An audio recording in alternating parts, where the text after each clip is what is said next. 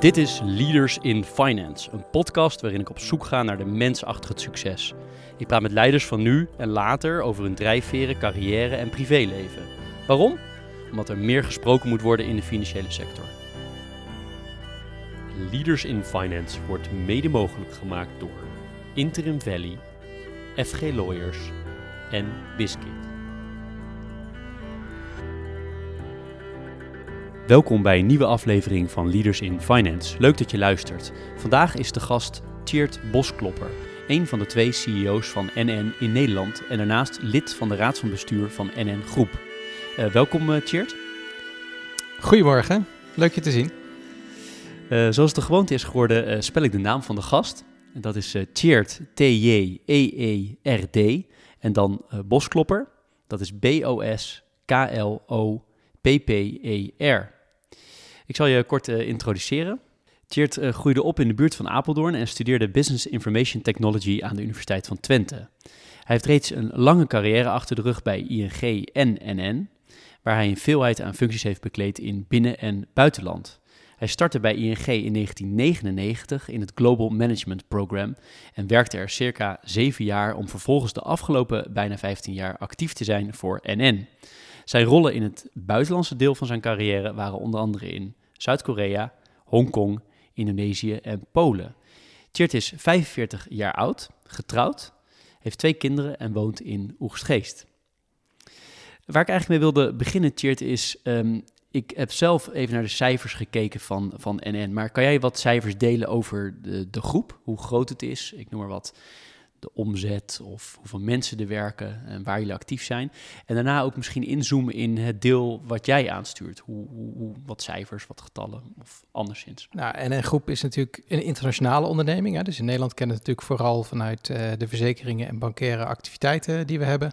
Maar we zijn ook groot in uh, Oost-Europa. Zit onder andere in Polen, Roemenië, Hongarije, maar ook Spanje. Uh, en hebben ook een hele grote vestiging in uh, Japan. Dus uiteindelijk zijn we in totaal in 18 landen actief. Uh, maar vooral toch een Europese verzekeraar en asset manager. nou, er werken natuurlijk meer dan 15.000 mensen bij ons. het grootste deel daarvan zit echt wel in Nederland. Hè? Dus niet alleen ons hoofdkantoor, maar ook de grote business units zitten echt wel in Nederland.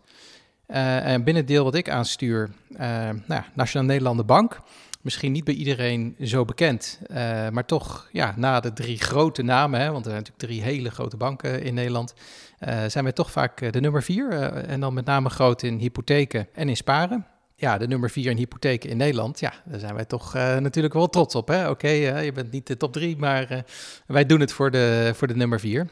Um, ja, en op schade zijn wij, uh, schadeverzekering zijn we heel duidelijk nummer één. Hè, na de acquisities van Vivat en uh, Deltaloid en daar hebben we dan uh, ja, nu uh, ja, als nummer één natuurlijk uh, meer dan 3 miljard aan, aan premie, om maar eens wat te noemen. Nou, ook een groot bedrijf, hè, dus ook duizend medewerkers. Hè, dus bij de bank is het ongeveer 800 en bij het schadebedrijf is dat nog een heel stuk meer.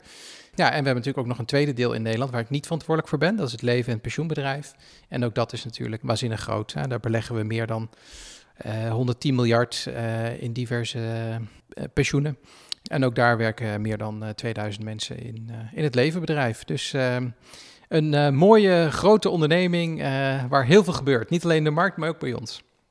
Want je noemde de, de bank, hè? ik denk dat de meeste mensen kennen u toch als verzekeraar. Hoe, hoe zit dat precies? We hebben natuurlijk die afscheiding destijds gehad van de bank en het verzekeringsbedrijf. En nu is het dus ook de bank. Dus hoe, hoe zit dat precies? In de splitsing van ING zat altijd al een bank bij, uh, bij Nationaal Nederland, dus bij de verzekeraar.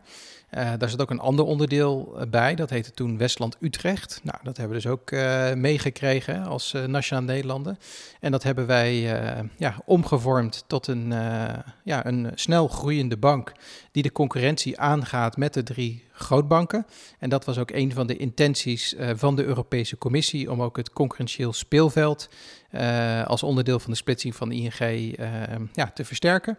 Uh, en dat hebben wij als Nationaal Nederland natuurlijk ingevuld.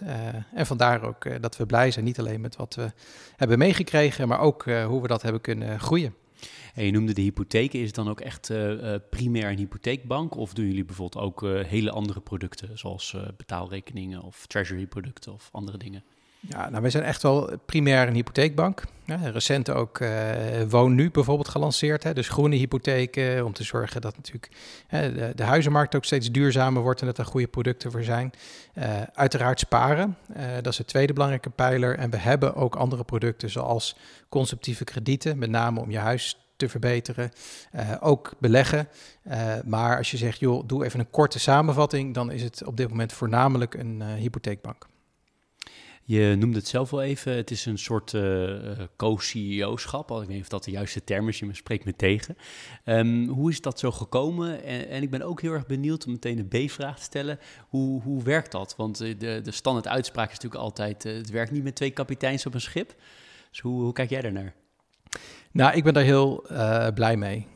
Ik was verantwoordelijk voor heel Nederland tijdelijk als interimbaan. Um, en toen had ik dus alle technologieactiviteiten voor de hele groep. Uh, en de bank en de schadeverzekeraar en de levensverzekeraar. Nou, en dan ben je verantwoordelijk voor heel Nederland. En dat is dan bijna 70% of zo van, uh, van de totale groep hè, qua uh, diverse financiële indicatoren. Uh, en dan speelt er zoveel uh, in de markt met diverse stakeholders, met toezichthouders binnen het bedrijf. En dat is een gigantische omvang.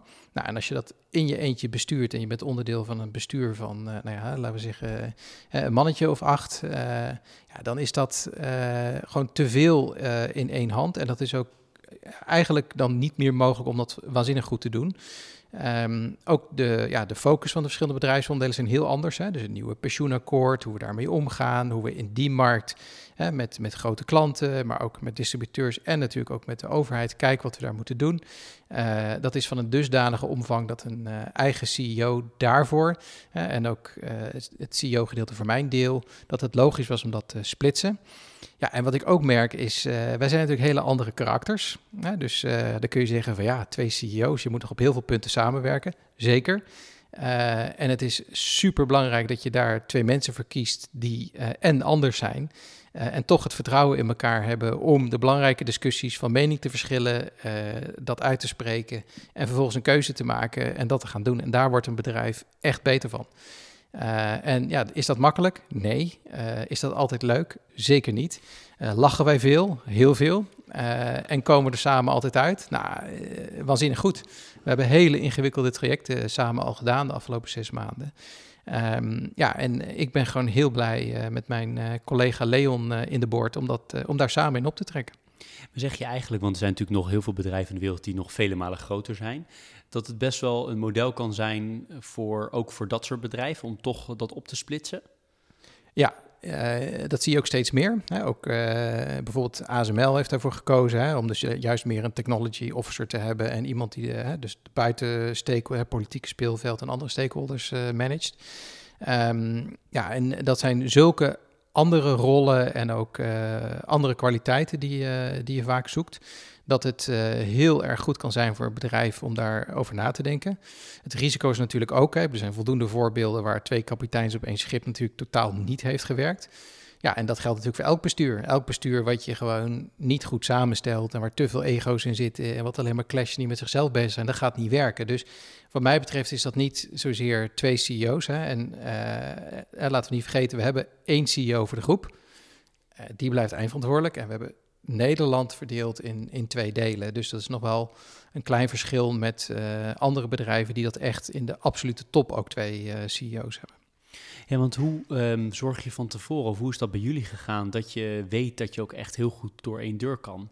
Ook als het wat spannender wordt, want dat is natuurlijk altijd, denk ik, de uitdaging. Dat als het goed gaat, is het makkelijker om samen te werken dan als het slecht gaat. Ja, uh, gelukkig uh, had ik uh, met, met Leon al voldoende meegemaakt in, in goede en in slechte tijden. Dus ik denk dat het heel erg geholpen heeft dat in dit geval een interne benoeming was. Uh, externe benoeming is altijd veel moeilijker in te schatten hoe dat in de toekomst natuurlijk uh, loopt. Kun je een hele uitgebreide selectieprocedure doen, uh, waarin je alles meeneemt, maar dan kun je daar toch tegen, tegen aanlopen. Ja, in dit geval was dit vanaf het begin af aan al helder, hè, dat, hoe dat zou werken, dat het onderling vertrouwen heel groot was. En daar hebben we natuurlijk ook uitgebreid over gesproken voordat wij daaraan gingen beginnen. Ik noemde in de inleiding al dat jij in allerlei landen gewerkt hebt. Um, is dat iets wat je zelf altijd wilde? Ja, ik had uh, tijdens mijn uh, studie ik ben afgestudeerd in Indonesië bij een vliegtuigbouwer. Had ik een jaar gezeten, vond ik echt fantastisch. Ging een wereld voor me open. Ik was nog niet verder geweest met mijn vakanties met mijn ouders dan Oostenrijk, Duitsland en België. Dus nou ja, om dan in Azië te zitten, te zien hoe het daar werkt, wat er speelt in de wereld, dat vond ik echt prachtig. ook een tijdje nog programmeur geweest in Atlanta. Ehm, dus ook daar dacht ik al van zo. ook interessant om dat, om dat te zien. Dus ik was juist heel erg op zoek naar een werkgever die internationale mogelijkheden bood. En dat was op dat moment ING. En je hebt, uh, ik noemde een aantal landen in, in Azië. Wat is nou, uh, wat is jou qua cultuur nou het meeste uh, bijgebleven over die landen? Ze zijn natuurlijk totaal verschillend. Dat, dat, die, dat antwoord voel ik wel aankomen. Indonesië is heel anders dan Zuid-Korea. Dat, dat lijkt me logisch. Maar zijn er, misschien kan je een land eruit pikken of, of toch iets wat je overal ziet, waar je zegt dat heb ik echt geleerd op, op cultuurgebied? Ja, dat, ik heb daar natuurlijk meer dan zeven jaar gezeten. Dus ik heb op, op cultuurgebied uh, ja, zoveel meegemaakt dat dat ook in mijn dagelijkse patronen nu nog steeds uh, uh, zichtbaar is. Hè. Onder andere, we eten superveel Aziatisch natuurlijk thuis. Hè. Ik ja, kon de hele tijd geen boterham meer zien. Hè. Boterham, melk en kaas is natuurlijk voor gemiddelde Aziat echt niet te doen. Um, maar ja, cultureel was Zuid-Korea denk ik het meest interessant. Um, ja, meer dan uh, zeven lagen uh, van beleefdheid in de taal. Dus wij hebben u en jij. En eigenlijk u gebruiken we al bijna niet meer. Um, maar daar doen ze alles. Uh, ja, ze zeggen bijna zeer wel edel gestreng, meneer, uh, hupse flupse, mag ik uh, zo vriendelijk zijn om alstublieft, en gebruiken ze andere werkwoorden, andere bijvoeglijke naamwoorden, om helemaal die positie die je ten opzichte van elkaar hebt qua leeftijd en hiërarchie helemaal te duiden. Uh, heel vermoeiend als wij dat zouden moeten doen. Hè. We zijn natuurlijk super plat uh, in Nederland qua, qua samenleving en qua gelijkheid. Um, en dan extreem hard werken dus concurreren met Zuid-Korea, met de uren die ze maken en ook uh, de, het lef wat ze hebben om met Samsung bijvoorbeeld, om natuurlijk heel groot in te zetten en uh, in hele korte tijd uh, een inhaalslag te maken op technologie en de wereld te veroveren. hoe een stad als Seoul, hoe dat booming is met 20 miljoen mensen, zoveel verschillende trends. Ja, dat is een, een, een snelheid en een leven. heel leuk om onderdeel van te zijn. Heel anders dan dan Europa. Uh, ja, en zeker nu in de context dat ja, China met zijn omvang eigenlijk een soort Korea wordt, maar dan keer 20. Uh, eh, nou, dat geeft wel aan dat de macht in de wereld, en dat ziet natuurlijk ook iedereen, dat dat echt wel uh, aan het veranderen is. Kan je nog voorbeelden herinneren waar je echt, ehm, nou ja, waarvoor je achteraf zegt dat was echt dom hoe ik daar ben gaan werken vanuit mijn Nederlandse culturele achtergrond? Uh, dat is een hele lange lijst. Uh, maar ja, de eerste paar weken, ik had een team van uh, ja, zo'n 150 mensen in Korea. Ik dacht, nou leuk, hè? we hebben hier een mooie kans. We, ik organiseer een brainstorm. Dus nou, je kent het wel. Hè? Dus dan zet je een bepaalde vraag op het bord en dan ga je kijken of je popcorn-staal wat, ja, wat input kan krijgen uit die groep. Nou, dat was gewoon een totale doodse stilte. niemand zei wat. Uh, ja, en dan op een gegeven moment gaat de oudste, die uiteraard ook het slechtste Engels spreekt, uh, gaat iets zeggen. En dat is een dusdanig lang en onsamenhangend verhaal dat je daar echt helemaal niets mee kan. Um, nou, en dus uiteraard is het niet de bedoeling dat de jongste uh, creatieveling of een dame, hè, laten we niet vergeten dat ook in dat soort landen de rechten van dames nog niet op het niveau van de westerse wereld uh, zijn. Ja, dus om daar het maximaal uit de diversiteit te halen, moet je echt andere dingen doen om toch de beste ideeën uh, boven te krijgen. Hè, dus eerst heel veel investeren in de relatie. Hè, zorg dat je elkaar ook buiten werk ziet. Hè, dat je eigenlijk uh, ja, je collega's toch tot een uh, bijna een sociale vriendenkring uh, maakt. dat is eigenlijk hoe iedereen het daar doet. Het is een hele collectieve samenleving. Ja, en daarna, als je dat vertrouwen hebt gebouwd, ook één op één, krijg je heel veel te horen. Nou, en dat kun je dan weer in een groep ook hè, op een hele goede manier uh, ja, eigenlijk masseren, dat dat dan toch de richting wordt. En zo kun je toch gebruik maken van de diversiteit. En nou, naarmate je dat langer doet, uh, gaat het ook wel steeds makkelijker. Um, maar je, ja, de, eerste drie maanden heb je alleen maar hoofdpijn. Hè? Ik bedoel, je zit continu met een simultaanvertaler hè, die Koreaans in je oor praat met vertraging, terwijl je iemand anders Koreaans hoort praten. Uh, ja, dat duurt gewoon eventjes voordat je daar helemaal uh, aan gewend bent. Was het voor jou um, terug naar Nederland een, een moment, dat was de laatste was waarschijnlijk Polen, denk ik dan? Of was dat de laatste? Ik ben eerst teruggekomen naar Nederland in 2006. En daarna weer uh, met familie en kinderen. Dus we hebben in Nederland toen uh, de geboorte van ons eerste kind gehad.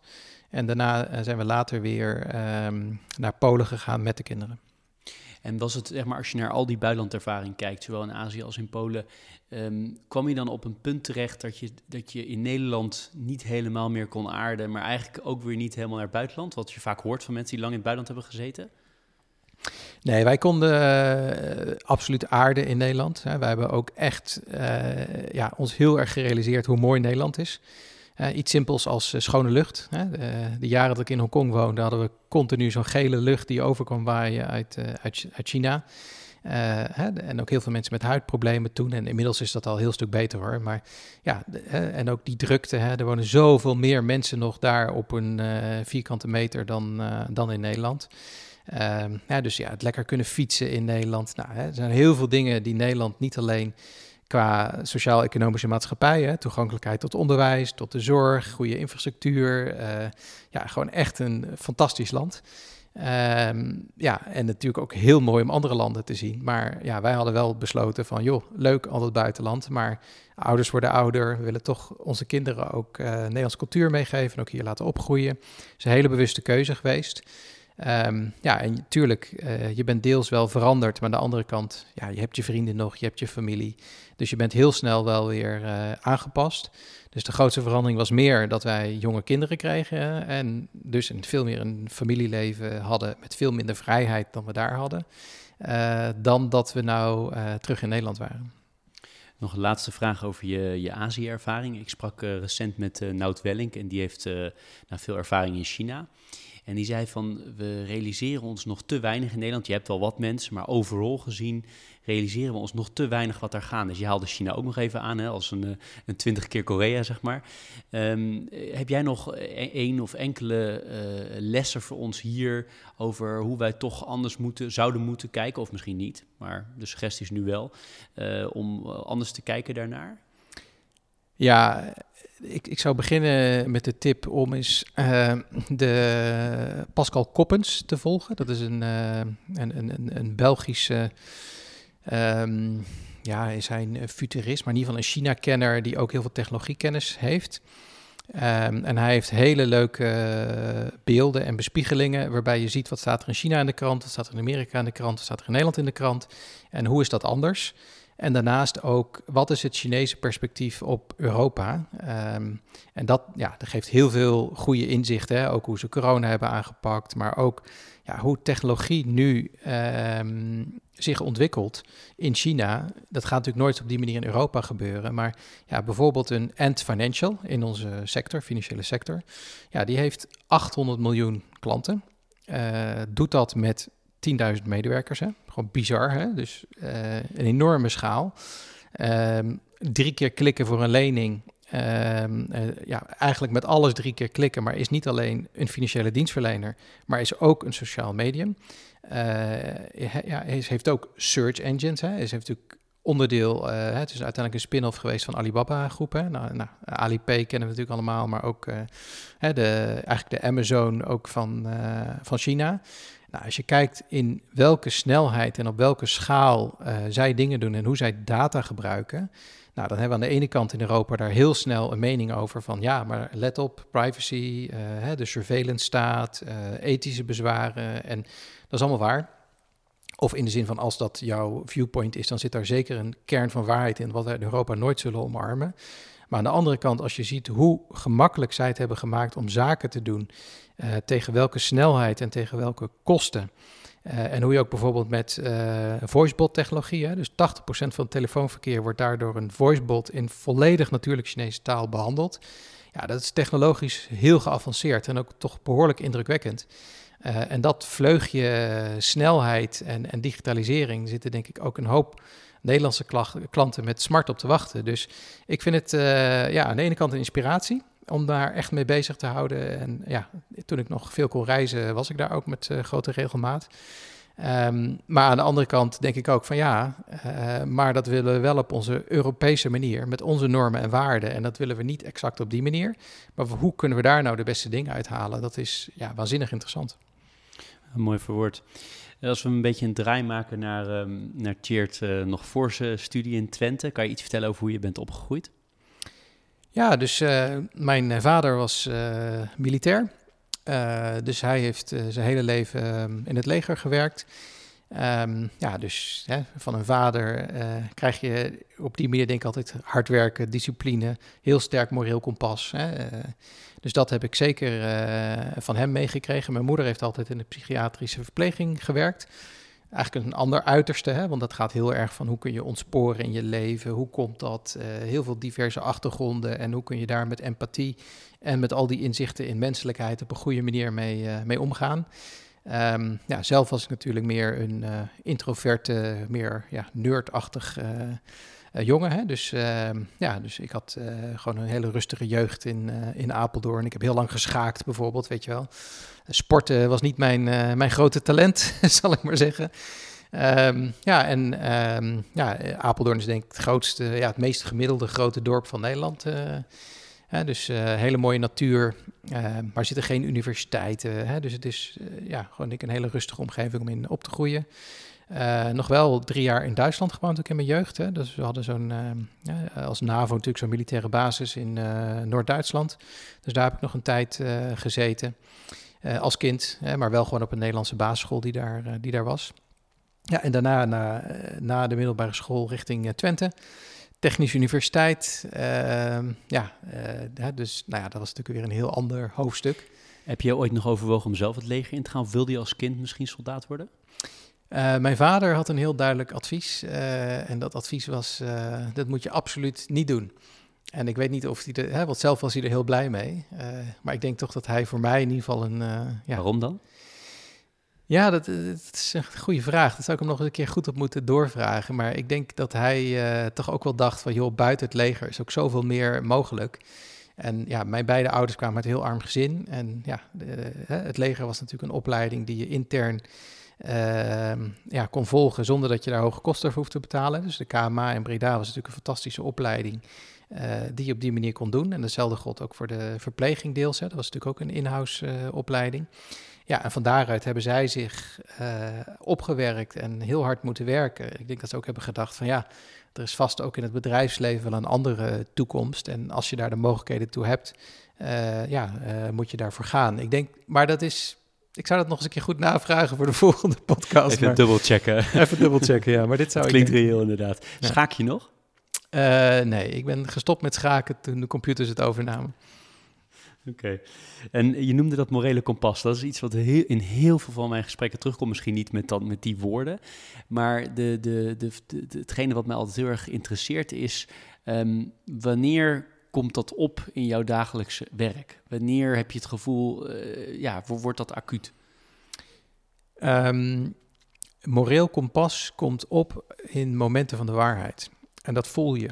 Je, je voelt gewoon hè, wanneer er zo'n stilte valt, of wanneer er spanning is, of dat er een. Hè, dat, dat, dat, er wordt bijvoorbeeld een kans geroken van: hè, kijk, hè, hier kunnen we bijvoorbeeld een mooi uh, ja, financieel of commercieel succes uh, maken. Um, maar ja, aan alle goede dingen zit altijd ook een keerzijde. Hè, dus je moet altijd heel goed balanceren dat je al die inzichten goed krijgt. En op een gegeven moment hè, dan voel je dat er iets gaat knagen. Hè? En soms is dat al in het moment. Hè? Soms is dat eh, als je slaapt of als je een keer wakker wordt of dat je uh, aan het reflecteren bent en dat je denkt van ja, hier zit iets niet lekker. Hè? En ook wel eens van, het goede voorbeeld denk ik altijd als, als mensen brand ruiken. Heel veel mensen blijven zitten. Ze zeggen van ik ruik brand, maar ja, zal wel niks zijn. Terwijl het natuurlijk wel een hele grote fik kan zijn. Dus het goede is natuurlijk, je moet gewoon opstaan, je moet gewoon kijken. Oh, er is niks aan de hand, het is gewoon dit en dit. En, nou, en dan kun je gewoon door. Maar dat actief uh, iets doen met dat knagende gevoel, dat verifiëren en dan ook het morele kompas een hele zware uh, factor in je besluitvorming laten zijn. Uh, ja, dat is wel iets wat ik uh, heel nadrukkelijk heb geleerd. En kijk, je bent nu CEO, je hebt een enorme hoeveelheid mensen die uh, direct en indirect voor je werken. Ik kan me voorstellen dat het nu misschien makkelijker is om iets meer te zeggen, hier sta ik voor, dan toen je net begonnen was als, uh, als trainee bij, bij ING in jouw geval. Klopt dat, dat het makkelijker nu is dan toen of is er niks veranderd? Um, ik ben eigenlijk in mijn hele carrière ehm, eh, altijd beloond voor uh, onafhankelijk denker zijn, wat ik heel erg ben vanuit mijn eigen opvoeding en achtergrond. Uh, en ik heb eigenlijk nog nooit gemerkt dat dat op de langere termijn ehm, ja, mij blokkades heeft opgeleverd, eerder het tegenovergestelde. Dus, ik, hè, dus in het moment zelf heb ik meerdere leidinggevenden gehad die mijn mening zeker niet konden waarderen en daar ook heel boos over waren. Uh, ook hebben geschreeuwd of onder druk hebben gezet. Of, hè, dus ik heb zeker ook wel meegemaakt dat dat niet altijd wenselijk is uh, op dat moment. Uh, nou, deels ligt dat misschien ook bij mij. Misschien had ik het anders moeten brengen. Ik was natuurlijk een enorme wijsneus. En, hè, dus ik snap ook wel dat dat deels bij, bij mij lag. Maar aan de andere kant heb ik ook gemerkt hè, dat op de lange termijn, als je daar nog eens een keer over hebt... en je nou, gaat erover in dialoog met elkaar... dat dat ja, zo belangrijk is om dat te blijven doen... Uh, want ja, op het moment, hè, dat merk ik nu ook, als mensen niet het vertrouwen voelen om mij belangrijke zorgen te vertellen, dat is gewoon heel risicovol voor een, uh, voor een onderneming. Dus ja, ik heb er met name uit meegenomen, joh, goed dat ik het altijd heb gedaan. En nu ik in deze plek zit, zorgen dat er een omgeving is waar het vertrouwen is uh, om dingen te zeggen ongeacht over of mensen het daar wel of niet mee eens zijn of dat het wel of niet gevoelig is. En dat is een, ja, de, de meest delicate balans in het uh, leidinggeven. Wijkt jouw mening uh, vaak af of ben je veel, voor je gevoel veel creatiever dan de meeste mensen in de organisatie en de teams waarin je gewerkt hebt? Um, creatiever, uh, dat, dat, zou ik niet durven beweren. Mijn mening wijkt, wijkt, zeer vaak af, maar dat komt natuurlijk omdat ik ja, ook kan brengen vanuit mijn achtergrond wat ik kan brengen, maar ook heb heel erg nodig om mij heen dat er andere meningen zijn. Hè, er zijn gewoon perspectieven waar ik minder kennis van heb, uh, ook minder snel oppik misschien. Dus ik heb uiteindelijk gewoon een heel breed team om mij heen nodig. en dat hebben we gelukkig ook, hè, zowel in de raad van bestuur als ook binnen mijn, mijn eigen teams. Um, ja, en ik denk dat dat voor elke onderneming geldt. Kijk toch, hè, mensen die. Uh, er zit toch altijd een afhankelijkheidsrelatie hè, richting je leidinggeven, op welk niveau dan ook. Hè. Um, hoe, hoe, voorkom jij dat mensen in jouw team bijvoorbeeld, even als concreet voorbeeld, dat ze je toch enigszins naar de mond praten? Dat wil je eigenlijk niet waarschijnlijk. Je wil uiteindelijk gewoon hun eigen mening horen als ik jou zo beluister. Maar correct me if I'm wrong. Uh, dus hoe haal je dat naar boven? Dat je, als jij het gevoel hebt dat mensen toch zeggen, nou, ze noemen hier vooral wat Cheert graag wil horen. Ja, ja, nou, dat, dat, dat gebeurt altijd. Hè? Dus dat is gewoon niet te voorkomen. Dus wie ook zegt dat dat bij iemand niet gebeurt, dat is gewoon niet waar. Dat gebeurt altijd. Hè? Dus je hebt gewoon mensen. Uh, en het is heel natuurlijk en menselijk om uh, in een goed plaatje te willen staan hè, bij mensen die meer invloed hebben. Dus, um, dus daar moet je gewoon bewust van zijn. Um, ja, en daar heb je verschillende strategieën voor. Dus één hele belangrijke strategie is vraag hetzelfde aan meerdere mensen zodat je meerdere inputs krijgt uh, en ook uit meerdere lagen van de organisatie, maar ook extern. dus vraag het ook niet alleen aan je eigen organisatie, maar zorg ook dat je externe uh, opinies hebt. En die optelsom van subjectieve meningen, uh, ja, die leidt toch vaak wel tot een vrij breed inzicht, waardoor je dat wel op kan pikken. Um, ja, en dan, kijk, dingen die goed gaan, maakt het eigenlijk nooit uit of ze dat wat meer overdreven doen of, of meer naar de mond praten of niet. Dat is eigenlijk nooit een probleem. Punt is vooral, stel er gaat iets niet goed. Hoe ga je daar dan mee om? bij tegenvallers. Nou, en als je dan elke keer als er slecht nieuws komt, uit je slof schiet, boos wordt uh, en met de deur gaat gooien, ja, dan hoor je nooit meer iets. Dus hoe je acteert op momenten van de waarheid met tegenslagen, hè, dus dat je aan de ene kant wel kritisch bent, doorvraagt, maar ook complimenteert voor het feit dat iemand die dat brengt zegt: wat goed dat je dat brengt en wat goed dat je het zo vroeg brengt, hè, niet nadat al uh, de al uitslaande brand is. Uh, en dat je ook mensen daardoor zich gerespecteerd en ook ja, eigenlijk beloond voelen voor het feit dat ze het lef hebben gehad om dat op tafel te leggen. Nou, en als je dat maar vaak genoeg doet en consequent bent in gedrag en dat ook vertelt dat dit je handleiding is, dat je het liever op voorhand weet als er slecht nieuws is, dan dat je er achteraf te laat mee geconfronteerd wordt. En dan mag je wel boos worden in mijn optiek. Hè? Eh, ja, dan heb je denk ik een hele consistente handleiding. En gaat je team ook wel ehm, dat op die manier doen. Je had even over externe, externe input krijgen. Hoe, hoe organiseren jullie dat? Dat je gevoed wordt door dingen buiten jouw organisatie? Ehm, ja, op, heel veel manieren. Wij praten natuurlijk gigantisch veel met uh, allerlei stakeholders in de maatschappij. Um, maar ik noem maar op innovatie bijvoorbeeld. Hè. Dus wij hebben twee uh, investeringsfondsen in, in start-ups, uh, met name in Europa.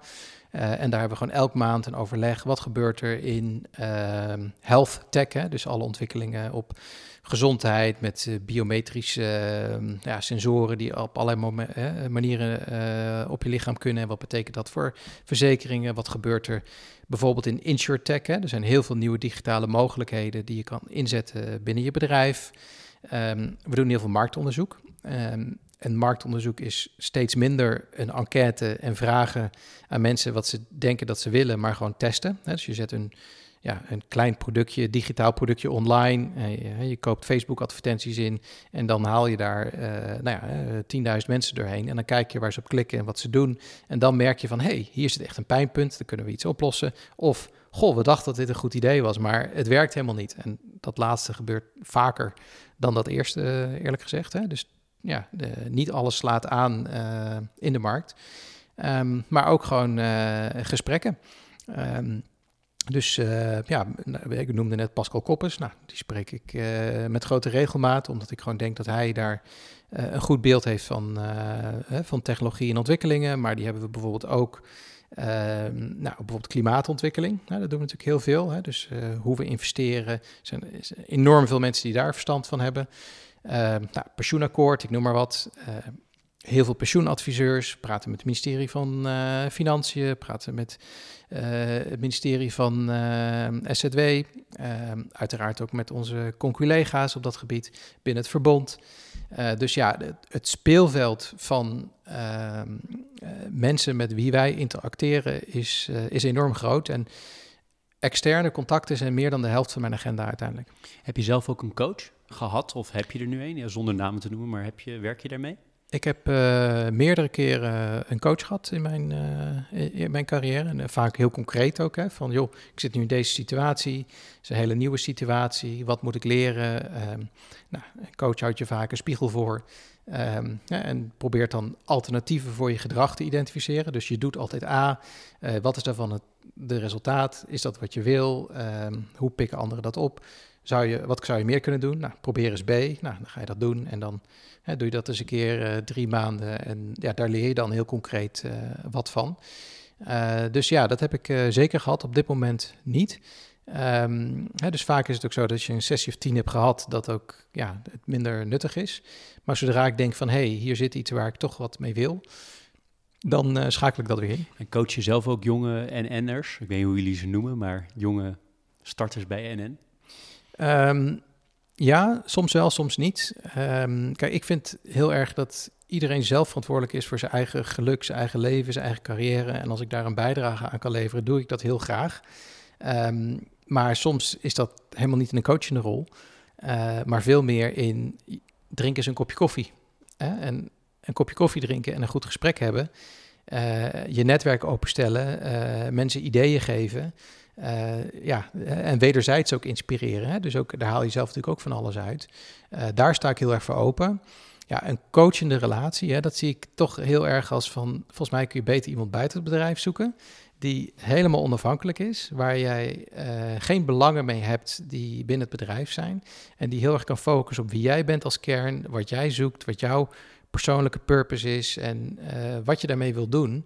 Ja, en als ze die rol bij mij willen beleggen, dan vraag ik altijd wel goed door van, joh, waarom wil je dat bij mij? Ben ik zo'n goede coach of zo? Of wat zit daarachter? En dan vaak blijkt dat ja, de categorie uh, kopje koffie en wederzijdse inspiratie veel meer uh, gezamenlijk belang heeft dan een, een coachende rol binnen ja, toch een soort afhankelijkheidsrelatie. En dat ja, vind ik vaak niet uh, gezond. Je hebt uh, ontzettend veel mensen aangenomen in al die jaren. Um, je, je werkt nu met enorme hoeveelheden mensen. Dus ik denk dat je langzamerhand ook wel een beeld hebt gekregen hoe je talent herkent. Uh, ik kan me voorstellen dat talent toch een van de allerbelangrijkste onderwerpen voor jullie is. Want ja, je, de assets zijn de mensen. Dat, dat is nou helemaal zo in de dienstensector. Um, kan je, kan je, als het allemaal klopt wat ik zeg, kan je zeggen waaraan jij talent herkent? Er is uh, ook een theorie uh, dat iedereen getalenteerd is. Hè? Dus, de, dus het is heel erg afhankelijk van wat voor soort talent je zoekt. Um, technisch talent bijvoorbeeld. Hè? Dus we hebben natuurlijk ontzettend veel mensen nodig die verstand hebben van data, artificial intelligence, van nieuwste programmeertalen en hoe we die kunnen inzetten in het, hè, bepaalde digitale oplossingen die we ontwikkelen. Uh, we hebben innovatietalent nodig. Hè? Dus mensen die durven, die experimenten uh, willen starten, die publiekelijk uh, ja, willen vertellen wat er allemaal mis is gegaan, daar een feestje over willen vieren en weer het volgende proberen. We hebben financieel talent nodig. Dus er is nogal een uh, verschil in, in talent wat je zoekt en hoe je dat aanneemt en hoe je dat ook bereikt. maar met name in leiderschapstalent is voor mij ja, heel belangrijk geen ego. Dus uh, ja, uh, ego is toch iets wat samenwerking vaak belemmert. Um, en op alle onderwerpen, ja, meer en meer is het niet alleen samenwerken binnen je eigen bedrijf, maar ook steeds meer buiten je bedrijf, in partnerships. Elke, ja, alle grote problemen die er nu in de wereld zijn, vereisen samenwerking tussen landen en bedrijven om het op te lossen. Dus ego's helpt daar niet uh, heel erg in. Uh, ik vind een, uh, ja, een, een, tinkeling in de ogen, hè? dus een, een soort optimistische energie van hey, ik wil wat. Hè? En ja, dat, dat is toch ook wel mooi, hè? want je moet toch mensen kunnen meenemen. En ja, mensen meenemen is toch ook enthousiasme kunnen brengen, geloof in iets kunnen overbrengen. Dus dat vind ik heel belangrijk. Ja, uiteraard, hè, dus uh, nieuwsgierigheid. Uh, hè, dus niet alleen denken dat je je vakkennis al helemaal beheerst, maar dat je ook nog ja, nieuwsgierig blijft, vragen blijft stellen, bij blijft leren. Nou, dat zijn bijvoorbeeld drie dingen waar ik altijd naar kijk, bijna bij elk uh, talent. Um, ja, en een randvoorwaarde is een moreel kompas. Hè? Dus heb jij niet het goede moreel kompas, kom je nooit binnen bij mij. Ongeacht. Hoe test je dat? Um, dat, ja, uh, het is niet uh, dat je een wiskundige uh, test doet, maar je gaat in een interview door situaties heen. En dan vraag je eens naar van, goh, wat was nou echt een, een moeilijk moment en waar je een besluit hebt gemaakt? Hoe heb je dat gedaan? Wat waren je overwegingen? Met wie heb je toen gesproken? Waarom heb je die keuze zo gemaakt en niet zo? En dan hè, ga je dus ja, gewoon eens doorprikken over um, hoe dat is gegaan. Um, referenties. Hè? Dus uh, vraag uh, ja, echt naar mensen en van joh, wat voor persoon is dat nou? Hoe acteert hij? En dan kun je, hè, krijg je ook heel vaak gewoon een eerlijk uh, antwoord. Uh, en doe nooit het interview alleen. Dus zorg dat minimaal hè, voor belangrijke posities ja, drie, vier mensen een apart gesprek hebben. en ja, die gaan natuurlijk allemaal vanuit hun eigen perspectief daar naar kijken. Ja, en die optelsom is denk ik de beste manier om te, zorgen dat je de juiste mensen binnenkrijgt. Dus de belangrijkste besluiten die je maakt, leidinggevende, uh, de juiste mensen op de juiste plek. Dus daar heel veel tijd aan besteden is um, nou, een manier om het te voorkomen. En dan nog gaat het uiteraard uh, wel eens mis. Ook al heb jij een enorme waslijst aan functies uh, gehad in al die jaren bij ING, bij NN, toch lijk je ook wel heel honkvast. Want je bent uh, ongetwijfeld, wordt ook jij wel eens benaderd door headhunters. Uh, dat, uh, dat, dat stel ik maar even. Um, is dat loyaliteit? Is dat het, het, militaire karakter vanuit, vanuit wat jij vanuit je jeugd hebt meegekregen? Van ik sta ervoor. Of is het gewoon um, puur, ik heb het naar mijn zin, daarom ga ik hier door? of is het allebei, is het iets heel anders dan wat ik suggereer? Um, loyaliteit is ja, natuurlijk heel groot. Ik ben enorm hè, loyaal naar familie, kinderen, vrienden. Dus ik denk dat dat er wel echt in zit. Uh, ik heb natuurlijk ook fases gehad in dit bedrijf dat ik het niet naar mijn zin had. Hè, en dat ik ook zeker nagedacht over vertrekken in meerdere momenten. Um, en ja, daar ook echt wel dichtbij gestaan. maar ja, bijvoorbeeld, ik heb uh, ja, ook meerdere gesprekken gehad, toen ook met de CEO van de groep, over de richting van de onderneming. Hè, waarbij uh, in mijn optiek verzekeraars uh, meer en meer uh, midden in de maatschappij moeten staan. Hè, wat ze natuurlijk ook vanuit het verleden altijd al gedaan hebben, hè, met risico's dekken. En hè, we betalen gigantisch veel claims uit. We helpen mensen in moeilijke omstandigheden. Maar die rol moet nog breder en nog dieper. En dat was echt wat ik wilde brengen binnen de onderneming. Ehm, nou, en dat moet dan wel gedeeld worden. En dan moet je ook de mogelijkheid krijgen om dat in je baan te krijgen. Nou, toen heb ik ook die plek als transformatiebaas gekregen. En dat was omdat er een gedeeld geloof was dat dit is waar we naartoe wilden. Ja, en dan ben je natuurlijk wel gemotiveerd om dat te doen. Kijk, als op dat moment tegen je zeggen, joh, uh, leuk dat jij dat wil, maar daar geloven we niet in. Ja, dan was het ook echt wel uh, opgehouden. Maar ja, dit bedrijf heeft mij fantastische kansen geboden en daar ben ik ze zeer dankbaar voor. Uh, en ik heb dus ja, in die dialoog altijd mogelijkheden gezien waardoor ik niet alleen loyaal was, maar ook de dingen kon doen waar ik in geloofde. Ik heb uh, een paar dingen van jou uh, gelezen en gehoord. En, en, iets wat een paar keer terugkwam was wat je zelf net ook al noemde, is die positieve energie. dat vind je heel belangrijk. Tenminste, dat hoorde ik uit die andere dingen. Um, heb jij dat vanuit je karakter? Zit dat in jou? Um, en ook jij hebt natuurlijk momenten dat je denkt, oh man. Um, en hoe draai je dat dan toch weer naar positiviteit? Want in dat ene interview wat ik hoorde, zei je ook iets in de trant van, ja, ik ben, moet toch het voorbeeld zijn elke keer. En dat moet toch positief zijn. Dus hoe doe je dat? En heb je het uit jezelf?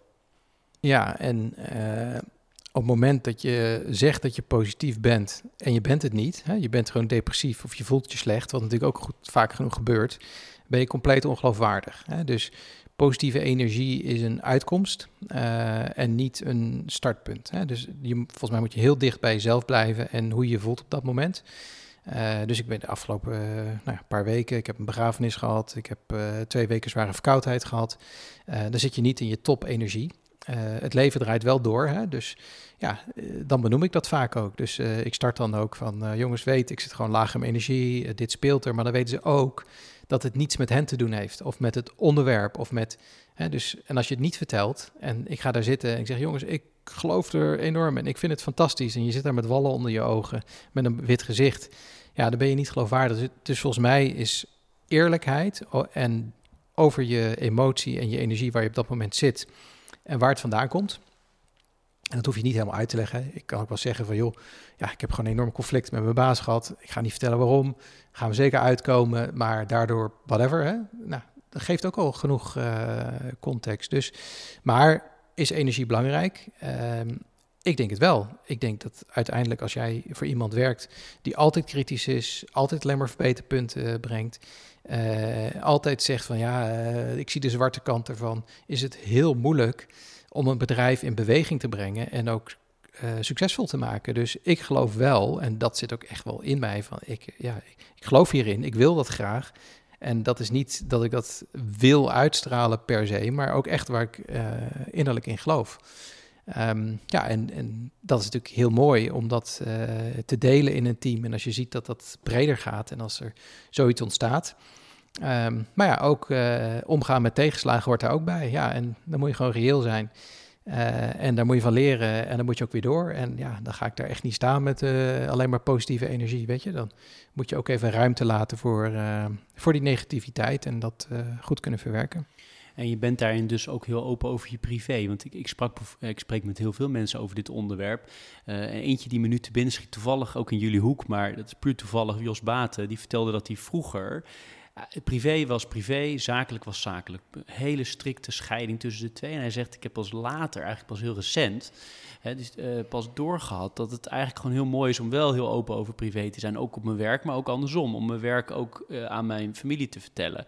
Uh, hoe strikt is bij jou de scheiding? Heb je een scheiding of is het helemaal fluid? Of? Ja, ja, ik ben mede wat ik je ook vertelde door die Korea-ervaring. Daar, daar is je privéleven en je werkleven is één geheel. dat is gewoon, er is gewoon nul scheiding. Dus ik zag mijn collega's uh, in de sport, in de sauna, in avonden uit, in, in, in, van alles. Hè. ieder, alle collega's gingen naar alle begrafenissen van ouders. dus dat hele, hè, dat stonden we gewoon met 2000 man op een begrafenis. En dat hoorde je dan s ochtends. En dan zat je smiddags in de auto en dan ging je met z'n allen naartoe. allemaal geld doneren, dat deed je ook altijd. Hè. Dat zat er gewoon helemaal in. En daar is voor mij wel, ik ben opgevoed met strikte scheiding werk-privé. Wat heel gebruikelijk is in Nederland toen ook wel gezien wat de kracht is van dat uh, verbinden. Uh, en binnen Nederland heb ik daar een beetje een mix van gaan, uh, gaan doen. Hè. Dus uh, ja, ik heb absoluut geen enkele moeite om mensen thuis uit te nodigen. er zijn ook bepaalde collega's, zoals vanmiddag ga ik een stukje wandelen. Nou, fiets ik daar naartoe, doen we samen de wandelingen. Want dat mag nu in corona natuurlijk, hè, op anderhalve meter met twee man, dat mag nog net. Um, ja, en als dat gepast is, uh, is dat denk ik heel goed om dat op die manier te doen. Maar ik hou natuurlijk ook zeker uh, mijn gezin buiten mijn werk. Uh, ik ga niet mijn vrouw meenemen naar allerlei dineetjes, zit ze ook helemaal niet op te wachten. Hè, maar ja, daar waar het ja, logisch voelt en goed voelt, zet ik die deur zeker open. Ik wilde het nog even met je um, ook hebben over die rol in de samenleving. Um, je zei al dat je, dat je dat heel belangrijk vond, dat, dat het midden in die samenleving staat. En dan vooral de hoe-vraag. Hoe doe je dat nou praktisch? Gewoon zo praktisch mogelijke voorbeelden van wat, ja. wat doen jullie daarvoor? Ja. Ja, en dan er zijn denk ik twee stukken die je uh, altijd daarin kan doen. Hè. Dus het ene stuk is gewoon als onderneming doneren we nou, 1% hè, van onze totale winst. Nou, is heel concreet. Ons beleggingsbeleid, hè, we willen gewoon uh, een enorm hoog percentage van onze beleggingen ESG. Hè, dus, uh, ja, uh, dus met in achtneming van mensenrechten, klimaatregels willen we dat doen. Hè, en dat willen we uiteindelijk ook naar de 85% brengen. Nou, dat is gigantisch veel, dat zijn gigantische bedragen. Vergeet niet, als wij een aandeelhoudersvergadering houden, staat Greenpeace daar en alle andere belangengroepen. Dus dat zijn denk ik hele logische zaken eh, om te doen als grote onderneming. En wat daar, wat mij betreft, meer en meer bij komt, is wat doe je in je normale producten en diensten uh, om ook een bijdrage aan de samenleving te, uh, te, te brengen. Nou, heel concreet voorbeeld is burn-out. Ook onderdeel als, als corona. Enorme probleem voor de mensen die dat zelf meemaken. speelt onder jongeren enorm, maar ook onder 40ers, onder 50ers. Uh, de samenleving verandert zo snel dat het voor mensen soms ja, bijna niet bij te houden is. Uh, soms ook doordat ze tegelijk mantelzorger zijn uh, of door alle schuldenproblematiek. Er zit een hele wereld omheen over waarom dat zo ontstaat. En daar kun je heel veel dingen in doen. dus wij hebben een apart bedrijf, HCS, wat zich niet alleen bezighoudt met reïntegratie en mensen weer aan het werk helpen, maar ook heel erg inzet op die preventie. Um, nou, Ander onderwerp, eenzaamheid onder ouderen. Wij hebben experimenten gedaan uh, onder die doelgroep en zijn tot de conclusie gekomen dat mensen een goed pensioen heel belangrijk vinden, maar vooral die sociale connectie willen houden met anderen. Nou, hebben een investering gedaan in Club, uh, een heel mooi jong bedrijf wat allerlei activiteiten organiseert, ook nu in corona, om mensen bij elkaar te brengen, zodat je ook op latere leeftijd gewoon nog mensen leert kennen, dingen leert, uh, samen uitjes doet om die sociale connectie te houden. Dus een goed pensioen is niet alleen ik krijg zoveel euro per maand. Nee, een goed pensioen is ook ik kan nog het beste uit mijn talent halen. Uh, hoe kan ik sociaal geconnecteerd blijven?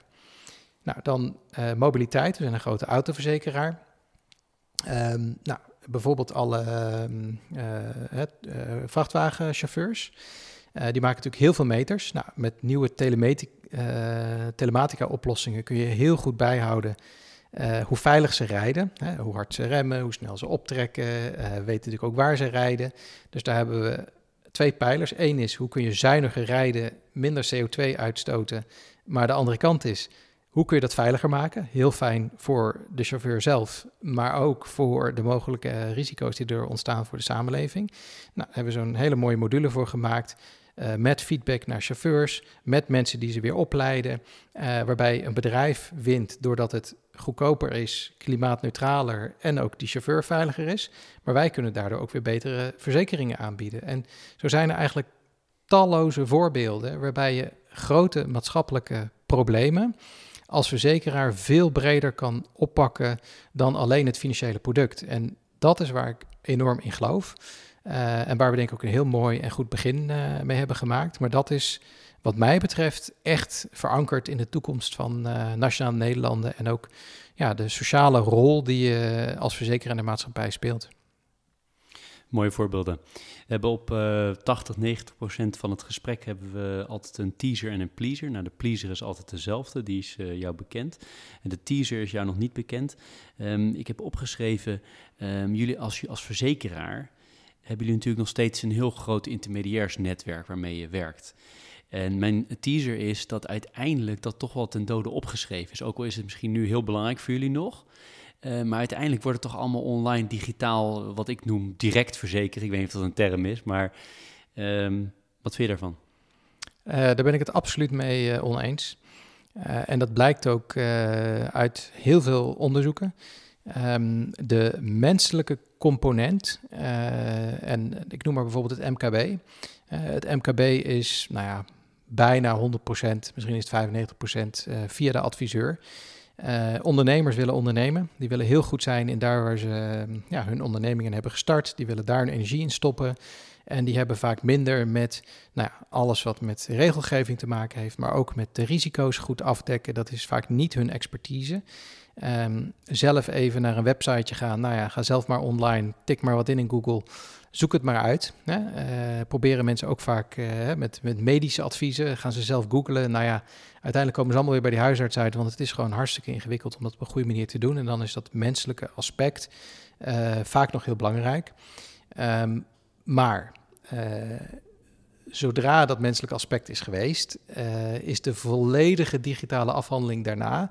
Dus Waar het geen waarde toevoegt, daar wil een klant absoluut geen hassle. Hè, dan willen ze gewoon kunnen klikken, invullen, klaar en uh, zo, zo, min mogelijk papier. Dus uh, we hebben een enorme digitaliseringsslag te maken uh, om dat te doen. Maar juist die hybride van een adviseur, en dat kan ook via een, een, een beeld. Hè? Dus eventjes, ja, wat we nu allemaal via Teams doen, dat je even kan interacteren, dat je even vijf tot tien minuten gesprek hebt en daarna weer verder gaat in je online proces. Dat soort hybride vormen gaan we meer en meer zien.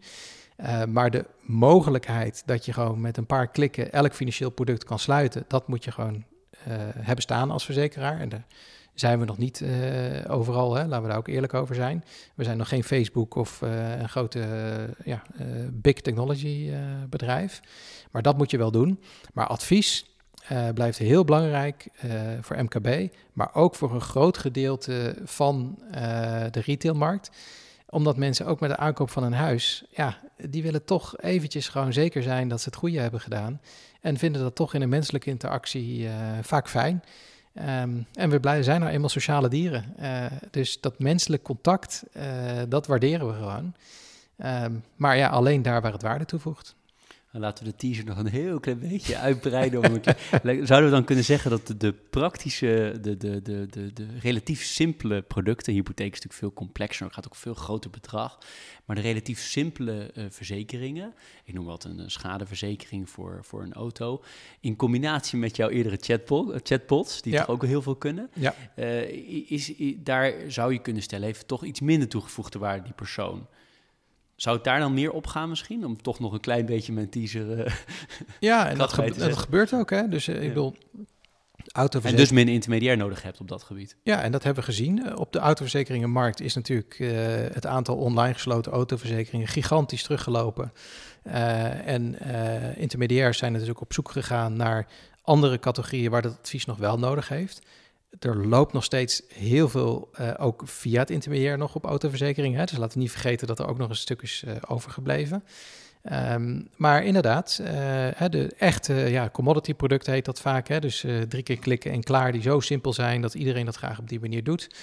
dat is voor een deel van de markt al gebeurd. Dat gaat ook voor heel veel andere um, producten nog gebeuren.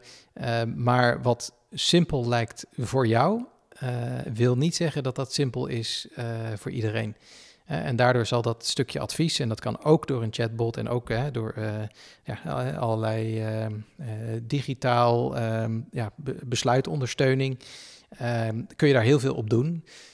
en dat zal ja, in die hybride vorm steeds meer gaan bestaan, maar dat ja, een aantal producten zo simpel worden dat je eigenlijk bij een auto in je garage straks er eigenlijk wel gratis bij krijgt, hè, of bij je leasemaatschappij, ja, dat soort dingen, dat, dat gaat natuurlijk zeker gebeuren. Aan de pleasende kant vragen we altijd uh, aan de ene kant of je, of je graag leest. En zo, zo ja, of, of als je soms in ieder geval leest. Of er bepaalde boeken zijn die jou hebben geïnspireerd of op dit moment inspireren. Of boeken die je vaak uh, cadeau geeft. Maar misschien eerst de vraag van uh, lees je veel of graag of juist niet? Um, ik heb als kind waanzinnig veel gelezen. Um, nu lees ik vooral in vakanties, om heel eerlijk te zijn. Uh, en ik ben ook nou ja, een enorme fan van podcasts geworden. Omdat je dan toch. Dat horen we graag. ja, maar ook je kan dan lekker achterover zitten, je ogen dicht, dopjes in. En dan even drie kwartier een heel mooi onderwerp krijgen. En er zijn ook heel veel boekbesprekingen trouwens. Hè, die je dus in drie kwartier toch de kern kan meekrijgen. Zonder dat je het allemaal op je e-reader hoeft te doen. Dus, maar. Um, interessant boek, um, ja, Harari, hè? dus uh, heeft natuurlijk drie fantastische boeken geschreven over de mensheid, de geschiedenis en de opkomst van technologie en hoe dat samenwerkt en waar het toe zou kunnen gaan. Nou, steeds meer ontdekt ook binnen Nederland, denk ik. Hè. Ik zag hem ook laatst bij Buitenhof, dus heeft hele, um, nou ja, inspirerende denkbeelden over hoe we een hele mooie maatschappij kunnen creëren, maar toch ook wel ja, hoe we om moeten gaan met de donkere kanten. Um, ja, en uh, qua podcast, uh, fan van de Rode Lantaarn en uh, Live Slow, Ride Fast. Hè? Dus ik ben een enorme wielrenfan, dus dat soort geneuzel en geleuter over wielrennen vind ik fantastisch. Maar ook ja, Azim Azar is een podcast die ik van harte aanbeveel. En die zit een beetje in dezelfde hoek als Harari. Hè? Dus heel erg over interviews met de Chief Technology Officer van Facebook. waar zijn ze mee bezig? Hoe gaan ze om met de Amerikaanse verkiezingen, hè, hoe ze ja, slechte content kunnen filteren, ehm, hoe ze nu geïnvesteerd zijn in virtual reality, wat dat gaat betekenen voor de wereld. Ja, dat zijn gewoon hè, vanuit mijn informatica-achtergrond blijven dat gewoon thema's die ik waanzinnig interessant vind. Dus ehm, in die hoek zitten mijn uh, lees- en luisterpassies. Mensen die nu uh, beginnen aan hun carrière, misschien specifiek in de financiële sector, want dit is Leaders in Finance, maar mag ook breder. Wat zijn jouw, uh, jouw, jouw belangrijkste tips voor hen? Um, ik geloof enorm in uh, dat uiteindelijk alles mogelijk is. Hè? Dus vaak ben je zelf de grootste beperking in wat je doet met je leven. Um, en dat eigenlijk loslaten en te zeggen van goh, uh, wat vind ik nu fantastisch aan mijn huidige omgeving? Wat waardeer ik heel erg? Wat wil ik graag nog leren? Of wat uh, zorgt voor heel weinig energie of trekt juist energie uit me weg? Uh, wat zijn opties die je interessant lijken? Hè? En ook door met anderen te praten, dat geeft je een bepaalde openheid.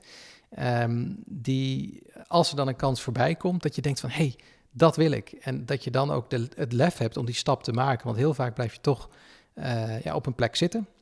want dat heeft natuurlijk alle voordelen van de, het warme bad uh, waar je in zit. Um, maar soms belemmert dat ook heel erg je ontwikkeling en een volgende stap. En dat hoeft lang niet altijd carrière te zijn. Dat kan ook voor een minder salaris zijn, maar met veel meer voldoening. Of met meer contacten. Of met iets wat je leert waar je weer blij van wordt. En ja, dat blijven opzoeken om jezelf in beweging te houden. En... Hoe doe je dat nou? Als je, want je bent net begonnen, je hebt nog weinig ervaring waar je op kan terugkijken. Jij kan nu heel veel terugpakken op ervaringen. Dingen die goed zijn gegaan, dingen die helemaal verkeerd zijn gegaan. Maar als je net begonnen bent, heb je dat nog heel beperkt. Dus wel, heb je bepaalde handvatten hoe je dat zou kunnen doen? Um, het blijft moeilijk. Of je nou begint, veel ervaring, weinig ervaring. Het mooie van weinig ervaring is dat je zo weinig weet en misschien daar ook gevoel bij hebt dat je ook gewoon maar iets doet. En dat je ook iets moet doen, want ja, je begint net, dus ja, je moet een keuze maken. En dan zou ik juist zeggen van joh, heb gewoon vertrouwen in wat je hebt gekozen. Uh, hè, geloof gewoon dat je daar iets van gaat leren. Zoek daar die dingen uit wat ik net zeg. Hè. Dus hou dat ook gewoon bij. Van, goh, uh, dit heb ik geleerd, dit vind ik mooi, dat staat me tegen. Uh, schiet iets te binnen, andere optie. Ik houd het letterlijk bij in mijn notepad hè, van mijn telefoon. hey, dat lijkt me leuk. Of die heeft een leuke baan. Of dat vond ik interessant. En zo hou je zo'n lijstje bij. En daarmee kun je navigeren naar je volgende stap. En dat kun je eigenlijk ook al vanaf je eerste stap doen. En zeker op momenten waar je denkt van... hé, hey, ik voel me echt even niet lekker of ik voel me niet goed. Hoe komt dat nou? Uh, waar zit dat in? Zit dat in mijn omgeving? Zit dat in mijn baan? Nou, en daarmee maak je dat, die volgende stap uh, makkelijker, meer hanteerbaar... waardoor het niet in één keer zo'n heel groot besluit moet van... ik moet nu iets anders, ik moet een keuze maken. Maar is het een continue reis waarbij je je eigen leeragenda en je, ja, ook je energieagenda, hè, van wat, ja, waar heb je gewoon passie voor en wat vind je leuk? Want uiteindelijk moet je gewoon dat gaan doen waar je waanzinnig goed in bent en waar je in gelooft. Maar dat is een permanente zoektocht en dat verandert continu. En dat bewust bijhouden heeft voor mij heel erg uh, gewerkt. Uh, om ervoor open te staan en ook om het lef gewoon te hebben. Dat je denkt van, nou, dit voelt goed, ik ga het gewoon doen. En zo niet, joh, dan stel ik het wel weer bij. Wat is het ergste wat er kan gebeuren? Nou ja, dan moet ik een andere baan zoeken. Nou ja, dat is het dan. Richting het einde. Ehm, je hebt een ontzettend drukke baan, dat, dat, dat kan niet anders, denk ik. Tenminste, veel mensen zullen dat zo zien. Ehm, je gaf ook aan uh, in je Koreaanse tijd dat daar echt keihard gewerkt werd. Ik weet niet of je dat hebt meegenomen daarna naar je, naar je, tijd, naar, naar, naar je tijd ook hier. Uh, maar hoe uh, manage je dat? werk privé, maar ook gewoon voor jezelf. Hoe structureer je dat je niet overweldigd raakt? Ja.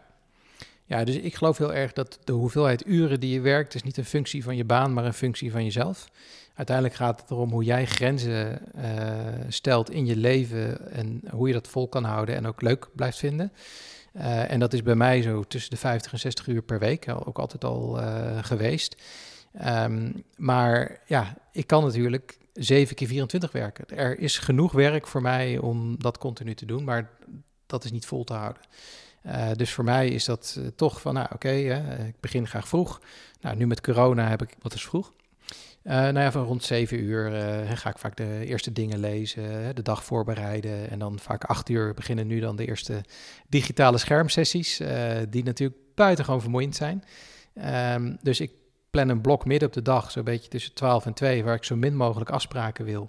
Ga ik naar buiten, hè, want anders is het alleen maar donker, is er zon, is er buitenlicht, ga ik een stukje fietsen. Klinkt zoiets van, joh, je bent toch aan het werk. Maar ja, dat kan ik dan op andere momenten weer inhalen. En dan ben ik in de middag toch weer uh, energiek. Heb ik ook ja, weer gereflecteerd uh, gedurende de middag. En ja, daarna wil ik mijn gezin natuurlijk zien. Ik wil mijn vrienden zien. Dus ik blijf eigenlijk heel gedisciplineerd mijn agenda managen om zowel je sport als mijn, mijn pilatesklasje. Hè, dat je niet, ja, je bent natuurlijk super stijf als je de hele dag op een stoel zit. Um, als je dingen leren, als externe zien, om daar elke week in je agenda dat heel strak te managen, dat er blokken zijn waarbinnen je dat kan doen. En ja, lukt dat altijd? Nee. Uh, soms zitten er weken tussen waarbij dat natuurlijk even weer uh, van het pad afgaat. Uh, maar zo is dat, dat hoort bij de baan. Maar dan heel snel gewoon weer terug in dat ritme gaan. Ik denk dat veel mensen 50 tot 60 uur, ook in Nederland zeker, in Korea misschien wat minder, maar in Nederland best wel veel vinden. Heb je dan genoeg tijd ook, ook voorheen, maar ook nu ook echt voor de kinderen en voor het gezin? Ja, zeker. En ook, er zitten zoveel uren uh, die je ook kan besteden, die je zelf kan indelen. En dus mij gaat het niet zozeer om de hoeveelheid uren, um, maar heb ik zelf de vrijheid om die uren zo in te delen dat ik op de belangrijke momenten uh, er bij mijn kinderen kan zijn. Nou, en nu met corona, ja, dan uh, zegt mijn zoon van joh, ik heb hulp nodig met wiskunde. Maar dat weet ik al een dag van tevoren. Dus nou ja, dan kan ik zo smiddags, hij zit één kamer verderop. Nou, dan kan ik even eh, een, eh, een half uurtje of een uurtje met hem zitten. En daarna ga ik gewoon weer verder. En dan kan ik misschien tot negen uur s'avonds nog doorgaan. Uh, maar dan heb ik wel even dat één uurtje gehad. heb ik misschien een wandelingetje gemaakt met mijn vrouw. Hebben we misschien samen gegeten. Ja, en zo kun je toch in de hele week die balans best wel houden. Als je maar de ruimte hebt om een beetje je eigen tijd in te delen van wanneer je dat werk doet. En dat kan natuurlijk steeds meer plaats en tijd onafhankelijk. En dat, die vrijheid, dat vind ik de enorme winst van die ja, digitale middelen nu met corona. Mooi. Tot slot, uh, je, je gaf het begin aan dat je niet echt veel met sport had, behalve schaaksport, uh, denksport. uh, tegelijkertijd hoor ik tijdens het interview hoor ik uh, pilatesklasje, ik hoor wielrennen. ja. Dus het, volgens mij valt het toch mee. Dus fysiek fit blijven doe je dus toch ook. Ja, ja, nou ja, het is, ik denk dat mijn talent in pilates, ik ben blij dat daar geen video's van zijn, laat ik het zo zeggen. Maar ik vind het wel waanzinnig leuk om te doen. En wielrennen, dat, dat doe ik wel echt serieus. Hè? Dus ik, ik fiets dit jaar 10.000 kilometer heel veel woon-werkverkeer gedaan. En uh, dus ook wat ik zei, tussen de middag. Ja, en dat is echt mijn, mijn, mijn passie. Hè. Dus uh, dat is echt wat ik het liefste doe. Hè, zodra ik even de zon zie of ook in het weekend, uh, ja, vind ik dat echt heerlijk om te doen. Um, dus daar, nou ja, ik ben er niet, ik zal zeker nooit een professional worden. Maar dat doe ik wel zoveel dat, dat ja, er zit wel iets snelheid in inmiddels. Heb je iets waarvan je zegt, uh, Jeroen, ik vind het jammer dat je niet gevraagd hebt. We hebben een uitgebreid gesprek gehad. Maar ongetwijfeld is er nog iets waarvan je zegt, had ik graag nog willen delen. Dan is dit misschien een goed moment voordat we afronden. Nee, ik vond het een uh, waanzinnig leuk uh, gesprek. Um, ja, en wat ik ja, vooral ook wilde delen in deze podcast is, er gebeurt ontzettend veel. Hè? het is heel belangrijk dat wij binnen NN en als verzekeraar die rol opzoeken uh, in de maatschappij. Uh, maar ik denk dat als je kijkt nu op individueel niveau, is het gewoon waanzinnig belangrijk dat je er ook bent voor elkaar. Hè? En dat je dus voor je omgeving, er zijn heel veel mensen die het nu gewoon uh, moeilijk hebben. Ja, dat, hè, dat zou toch mijn oproep zijn van ja, op groot niveau moeten grote bedrijven en leiders zoals ik moeten natuurlijk dat bedrijf verder helpen en steeds relevanter maken en midden in die samenleving zetten. Dat doe ik met heel veel passie, maar op ja, individueel niveau zou mijn oproep zijn van joh, het zijn zulke gekke tijden. Uh, zorg dat je even extra voor elkaar uitkijkt uh, en die helpende hand biedt, uh, het luisterende oor biedt. en, ja, en dan komen we ook deze moeilijke periode weer door. heel erg bedankt voor je, voor je tijd. Uh, ontzettend leuk gesprek, ontzettend uh, inspirerend. Ik heb een aantal dingen die echt bij me zijn blijven hangen om, uh, om straks op weg naar huis eens goed over na te denken. Heel veel dank. Met dank aan Bloemon, het online bloemenbedrijf, krijg je zo meteen nog een, een bedankje voor de, de vele tijd die je hierin hebt gestoken. en nogmaals, Tjert, veel dank voor je tijd. Dankjewel. Dit was Leaders in Finance. Elke week weer een nieuwe aflevering. Elke week weer een mens achter het succes. Ik vind het belangrijk om te zeggen, deze podcast zou er niet zijn zonder onze partners Interim Valley, FG Lawyers en Biscuit.